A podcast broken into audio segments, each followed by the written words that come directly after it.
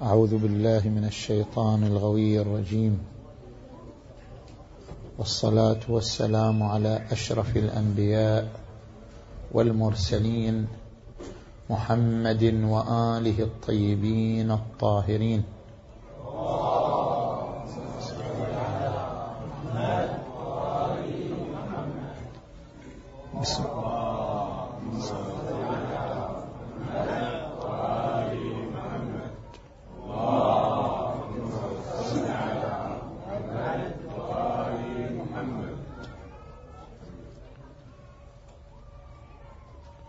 بسم الله الرحمن الرحيم.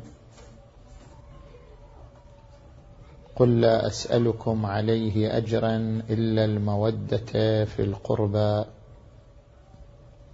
صدق الله العلي العظيم. انطلاقا من الآية المباركة. نتحدث في عدة محاور. المحور الأول في تحليل معنى المودة. ما هو الفرق بين المحبة والمودة؟ الآية المباركة لم تقل قل لا أسألكم عليه أجرا إلا المحبة. وإنما قالت قل لا أسألكم عليه أجرا إلا المودة في القربى.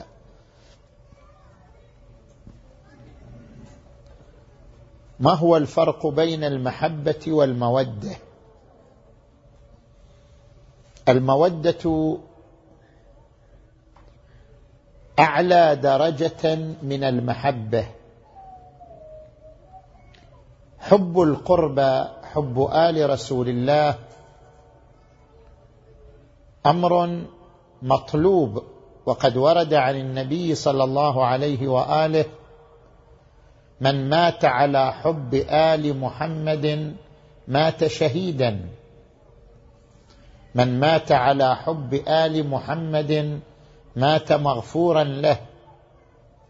من مات على حب آل محمد مات مؤمنا مستكمل الإيمان. من مات على حب آل محمد مات مؤمنا مستكمل الإيمان. مات تائبا.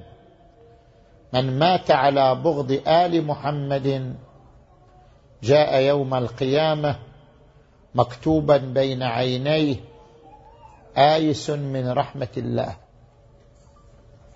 حب آل محمد أمر مطلوب ولكن الأهم هو المودة التي هي أعلى درجة من الحب. المودة هي صفة عملية المودة هي إبراز المحبة.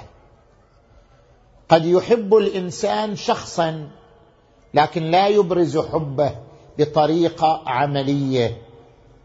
هذا يبقى حب متقوقع في النفس. ولكن إذا أبرز حبه للشخص الآخر أبرز حبه بطريقة عملية صار يخدم الآخر صار يخلص للآخر سرا وعلانية. عندما تخدم الشخص الذي تحبه فتعتبر المسألة بلغت درجة المودة. تجاوزت درجة المحبة وبلغت درجة المودة.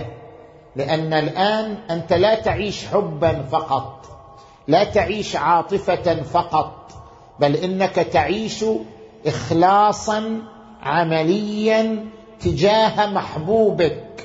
وهذا الإخلاص العملي تجاه المحبوب هو الذي يعبر عنه في اللغة العربية بالمودة. اذا ليس المطلوب منا تجاه أهل البيت مجرد محبة بل المطلوب منا مودة. يعني إبراز المحبة بطرق عملية إبراز المحبة بخطوات عملية نقوم بها. قل لا أسألكم عليه أجرا إلا المودة في القربى. نجي إلى المحور الثاني من حديثنا انطلاقا من الآية المباركة. ما هي العلاقة بين مودة أهل البيت وبين الرسالة؟ نحن نؤمن بالرسالة الإسلامية. نؤمن بأن هناك دينا هو دين الإسلام. ما هو الربط بين إيماننا بالدين ومحبة أهل البيت؟ حتى تقول الآية المباركة قل لا أسألكم عليه اجرا. عليه اجرا يعني على تبليغ الرسالة. قل لا أسألكم على تبليغ الرسالة. أي أجر؟ لا أسألكم إلا شيئا واحدا. ألا وهو المودة في القربى ما هو الربط بين الطرفين؟ الربط هو ربط القدوة. الربط هو ربط المثل. ما معنى ربط القدوة وربط المثل؟ أنت عندما تؤمن بأي فكر. تؤمن بأي نهج. عندما تؤمن تسأل عن القدوات لهذا الفكر عن القدوات لهذا النهج. كل فكر ليس له من يمثله تمثيلا عمليا ليس له من يجسده تجسيدا عمليا يعتبر فكرا ميتا. الفكر ما لم يتجسد على أرض الواقع هو فكر ميت هو فكر لا قيمة له. فنحن عندما نؤمن بالإسلام نؤمن بالدين من الضروري أن نسأل هل هذا الدين الذي نؤمن به تجسد عمليا؟ هل هذا الدين الذي نعتقد به تترجم على أرض الواقع أم لا؟ من هم الأشخاص الذين يمثلون الدين في الواقع؟ تمثيلا عمليا. يجسدون الدين تجسيدا سلوكيا. من هم هؤلاء؟ إذا كان الدين الإسلامي ليس ممثلا عمليا يعني ليست له نماذج متحركة على الأرض اذا هذا الدين فكر ميت. لو كان فكرا حيا لكانت له نماذج. الفكر الحي هو الفكر الذي يتجلى في السلوك يتجلى في العمل. أما الفكر الذي لا يتجلى في السلوك وفي العمل فهو فكر ميت. لذلك عندما نسأل عن اي ديانه من الديانات يجي شخص يحدثنا عن الديانة البوذية يجي شخص يحدثنا عن الديانة الهندوسية يجي شخص يحدثنا عن الديانة مسيحيه يجي شخص يحدثنا عن الديانة الصابئية وهكذا. أي دين من الأديان؟ أول سؤال نسأله هل هناك نماذج تمثل هذا الدين؟ إذا كانت هناك نماذج عملية تمثل هذا الدين اذا هذا الدين فكر حي لأنه تمثل وتجسد على أرض الواقع. كذلك الدين الإسلامي. لكي يكون فكرا حيا لا بد من نماذج عملية تمثله. فمن هي النماذج التي تمثل الدين الإسلامي؟ تمثله تمثيلا عمليا. محمد وآل محمد.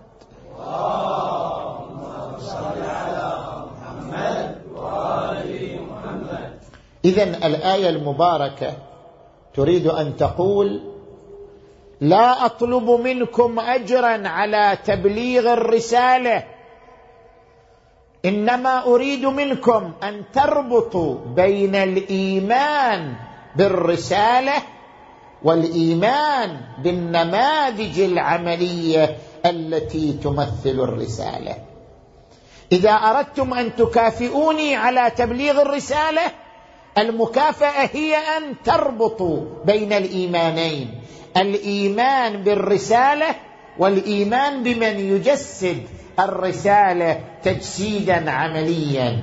من يمثل الرسالة تمثيلا عمليا ألا وهو محمد وأهل بيته.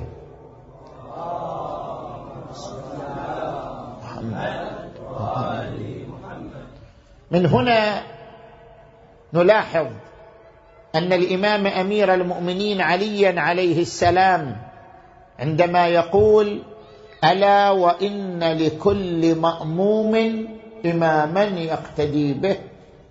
لا يمكن أن تؤمنوا بفكر بدون قدوة. لا يمكن أن تؤمنوا بدين ليس له من يمثله. ألا وإن لكل مأموم إماما يقتدي به ويستضيء بنور علمه. ألا وإن إمامكم. إذا أردتم من يمثل هذا الدين ألا وإن إمامكم قد اكتفى من دنياه بطمريه يعني ثوبين فقط ومن طعامه بقرصيه. قرص للغذاء وقرص للعشاء. ألا وإنكم لا تقدرون على ذلك. ولكن أعينونا. أنتم لا تستطيعون أن تصلوا إلى الدرجة العليا من المثل بدرجة من الدرجات. ولكن أعينونا بورع واجتهاد وعفة وسداد. المحور الثاني مما له ربط بالآية المباركة. عندما يطلب منا القرآن الكريم مودة أهل البيت. لماذا يطلب منا مودة أهل البيت؟ لأن المودة كما ذكرنا هي إبراز المحبة. المودة مو فقط شيء في القلب مودة شيء عملي. إبراز المحبة بشكل عملي لأهل البيت. لماذا نبرز مودة أهل البيت دون غيرهم؟ هناك كثير من الصحابة الذين آمنوا بالنبي هناك كثير من الناس الذين آمنوا بالنبي. لماذا هؤلاء نبرز محبتهم بشكل عملي؟ لماذا؟ ما هي خصوصيتهم؟ لأن إبراز مودتهم يعني التخلق بأخلاقهم. إبراز المحبة بشكل عملي هو أن تتخلق بأخلاقهم هو أن تتخلق بصفاتهم هو أن تسير على نهجهم. لذلك ورد عن الإمام الصادق عليه السلام كونوا زينا لنا ولا تكونوا علينا شينا. كونوا دعاة لنا لكن بغير ألسنتكم. لا نريد خطبا لا نريد كلمات نريد خلقا نريد عملا. كونوا دعاة لنا لكن بشكل عملي. ابرزوا المحبة بشكل عملي كونوا دعاة لنا بغير ألسنتكم.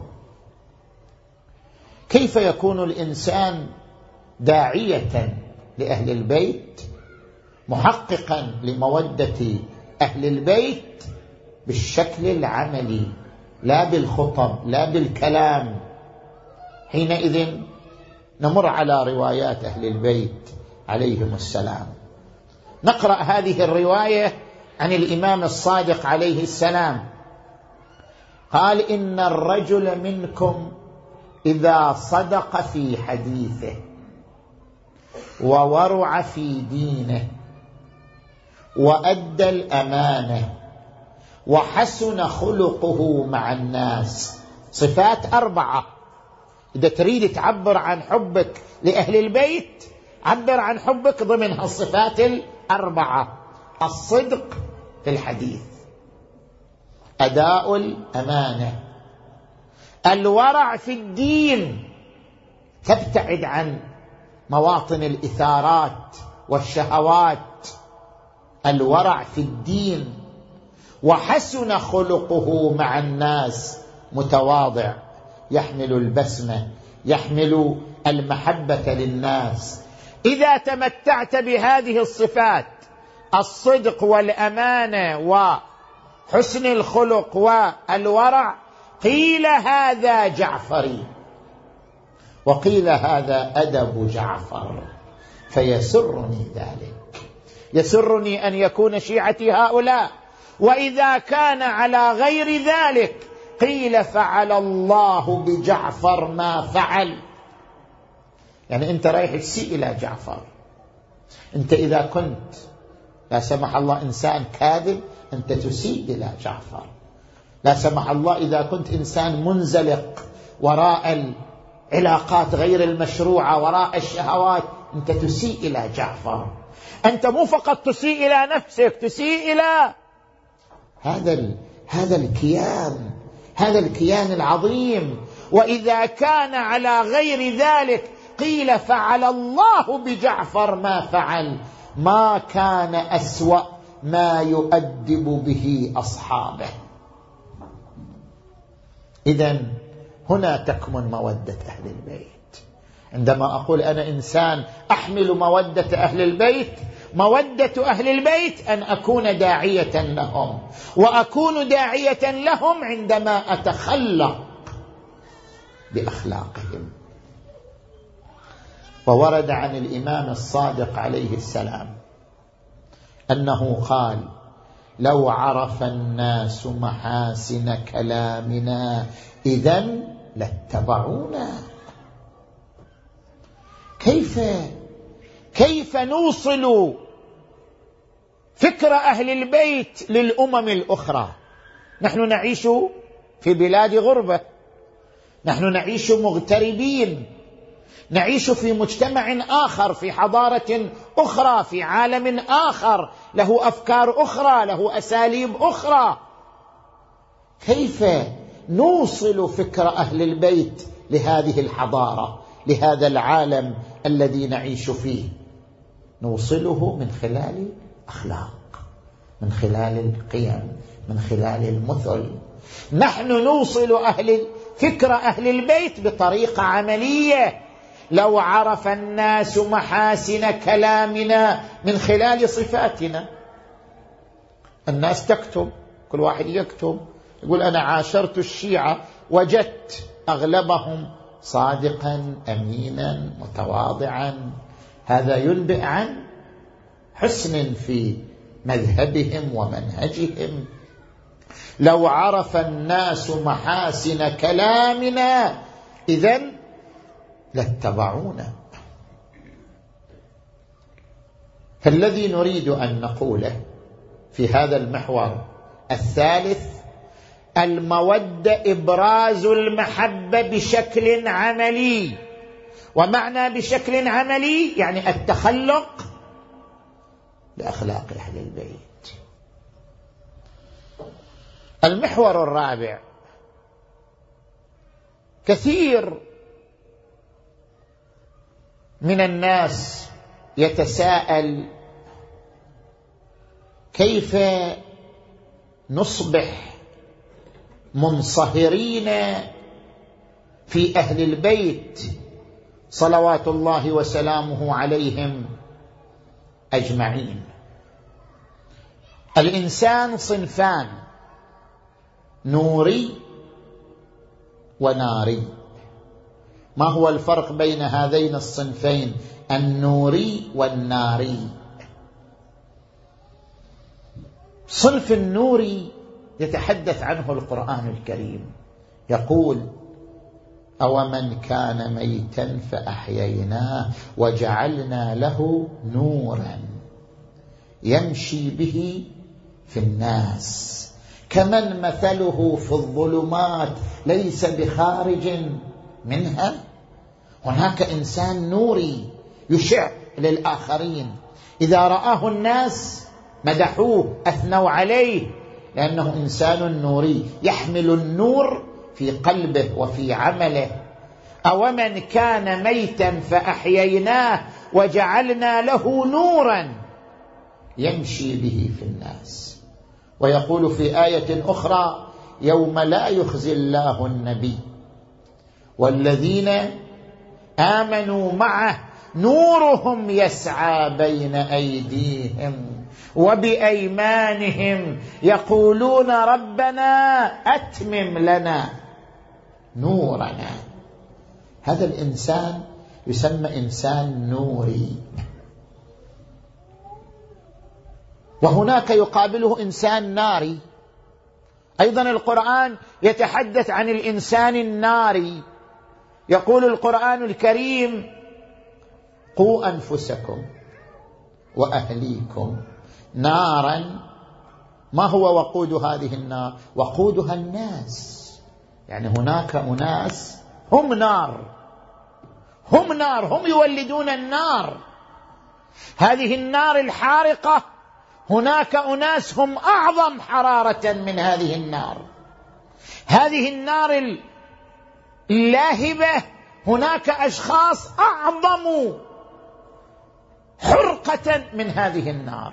هم الذين يعطون النار وقودها الناس والحجارة. عليها ملائكة غلاظ شداد. لا يعصون الله ما أمرهم ويفعلون ما يؤمرون. كيف نميز بين الإنسان النوري الذي يوزع النور وبين الإنسان الناري الذي يعطي النار حرارة تعتمد النار عليه في وقودها في حرارتها في حرقتها. كيف نميز بين هذا وهذا؟ الإنسان النوري هو الإنسان الذي يتصف بالرحمة. الإنسان النوري الذي يفيض قلبه رحمة. والإنسان الناري هو الذي يفيض قلبه حقد وغل وضغينه النور والنار ينبعثان من القلب. قلبك يمكن أن يصبح شمس تبعث النور وقلبك يمكن أن يصبح فرن يبعث النار الحارقة. القلب منطقة القلب هي التي تحدد شخصية الإنسان ناري أو نوري. الإنسان النوري هو الإنسان الذي امتلأ قلبه رحمة. لذلك تشوف إنسان متواضع إنسان مبتسم إنسان يحب الناس. مهما كانت أديانهم مذاهبهم ألوانهم يحب الجميع يعاشر الجميع يخدم الجميع لأن قلبه لا يعرف تمييز بين الناس من حيث أصنافهم ألوانهم أديانهم أفكارهم. قلبه يحب الجميع لأنهم بشر يحب الإنسانية بما هي إنسانية. هذا القلب الذي يفيض رحمة هذا إنسان نوري. وهذا الإنسان النوري منصهر بمحمد.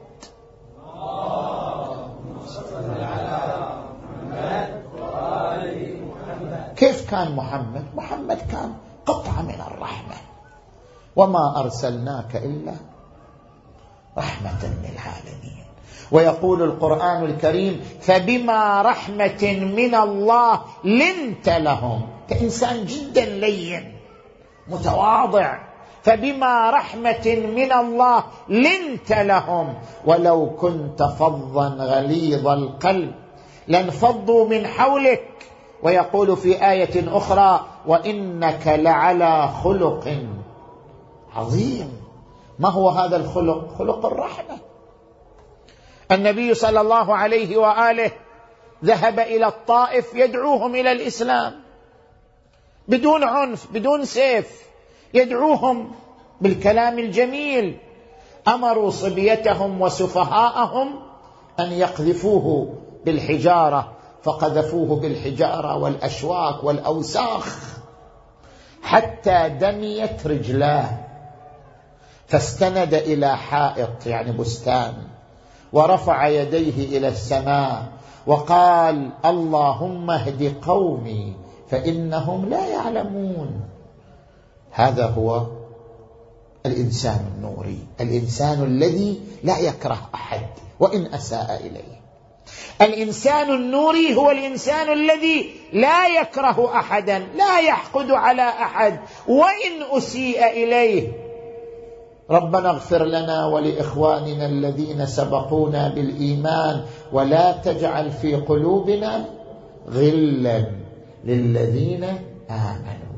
فالإنسان النوري هو الذي انصهر بنور محمد وآل محمد.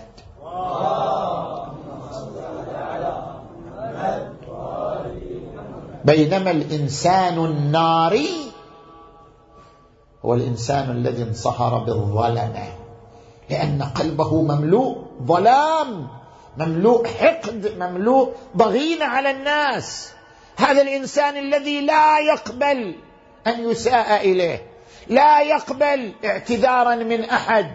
إذا مر على الناس مر متكبرا. إذا جلس مع الناس جلس متكبرا. لا يخدم الناس يريد الناس أن يخدموه. إذا أسيء إليه يحقد على من يسيء إليه. إذا اعتذر إليه لا يقبل عذرا. هذا الإنسان الذي لا يرى لا يرى إلا نفسه. يعيش حول نفسه متقوقع حول ذاته. هذا الإنسان الأناني إنسان ناري. اذا من يحب أهل البيت؟ من يريد أن يبرز مودة أهل البيت فإبراز مودة أهل البيت بأن تكون إنسانا نوريا كما كان أهل البيت ولا تكون إنسانا ناريا كما كان أعداء أهل البيت من الظلمة والطغاة. المحور الأخير في حديثنا قل لا أسألكم عليه اجرا إلا المودة في القربى المودة لها درجات. أن تنشر فضائل أهل البيت هذه درجة. أن تحضر مآتمهم ومجالسهم هذه درجة. أن تتخلق بأخلاقهم هذه درجة أعلى. وأعلى درجات المودة الانتظار. أفضل أعمال أمتي انتظار الفرج. أعلى درجات المودة انتظار المنقذ انتظار القائم انتظار صاحب الأمر. عجل الله تعالى فرجه الشريف. كيف ننتظره هو ينتظرنا. هو الذي ينتظرنا. هو الذي يدعونا هو الذي يطلب منا. نحن لا ننتظره هو الذي ينتظرنا. ينتظرنا بأي شيء؟ ينتظرنا أن نعد الأرض لقدومه. الانتظار هو إعداد الأرض. أنت عندما تدعو ضيفا إلى بيتك تقول أنا أنتظر الضيف. يقال كيف تنتظر الضيف؟ يقول لأنني أعددت المكان وأعددت المائدة. الانتظار إعداد. لا يمكن أن يدخل الضيف بيتك. فتقول أنا أنتظرك. يقول ما انتظرتني بشيء. إلى الآن ما أعددت شيئا. لا يسمى العمل انتظار إلا إذا كان إعداد. ولذلك لاحظوا الحديث الشريف عن النبي صلى الله عليه وآله قال أفضل أعمال أمتي. ما قال أفضل شؤون أمتي؟ أفضل أعمال. يعني الانتظار عمل من الأعمال. أفضل أعمال أمتي انتظار الفرج. فالانتظار هو عمل وليس الانتظار هو عدم العمل. كلنا ننتظر الإمام فالإمام ينتظرنا. يقول إذا كنتم تنتظرونني أنا أنتظركم. أين الإعداد الذي قمتم به؟ انتظاري هو الإعداد. ما زلت أنتظركم أن تقوموا بالإعداد. أين الإعداد لخروجه؟ فإذا لا بد أن نعد أنفسنا ثم نعد غيرنا. الإعداد لأنفسنا بالثقافة الإسلامية بالخلق والقيم الإنسانية بالالتزام والسير على نهج أهل البيت صلوات الله عليهم أجمعين. نفس الخصال الأربعة اللي ذكرناها عن الإمام علي. نفس الخصال الأربعة التي ذكرناها عن الصادق.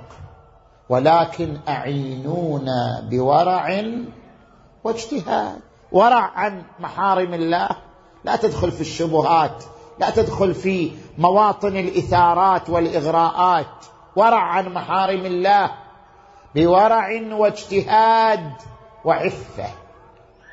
أن تكون عفيفا عن الشره وراء الأموال. أن تكون عفيفا عن الشره وراء الإثارات. والإغراءات الجنسية المادية بورع واجتهاد وعفة وسداد. هنا عندما يتحلى الإنسان بهذه الصفات يكون قد أعد نفسه وهذا الإعداد هو الانتظار. انتظار الفرج إعداد أنفسنا لأن نتحمل المسؤولية أمام نداء إمامنا عجل الله تعالى فرجه الشريف. اللهم صل على محمد وآل محمد. اللهم كن لوليك الحجة بن الحسن. صلواتك عليه وعلى آبائه في هذه الساعة وفي كل ساعة وليا وحافظا وقائدا وناصرا ودليلا وعينا حتى تسكنه أرضك طوعا وتمتعه فيها طويلا برحمتك. يا أرحم الراحمين. وآخر دعوانا أن الحمد لله رب العالمين. والصلاة والسلام على محمد وآله الطيبين الطاهرين.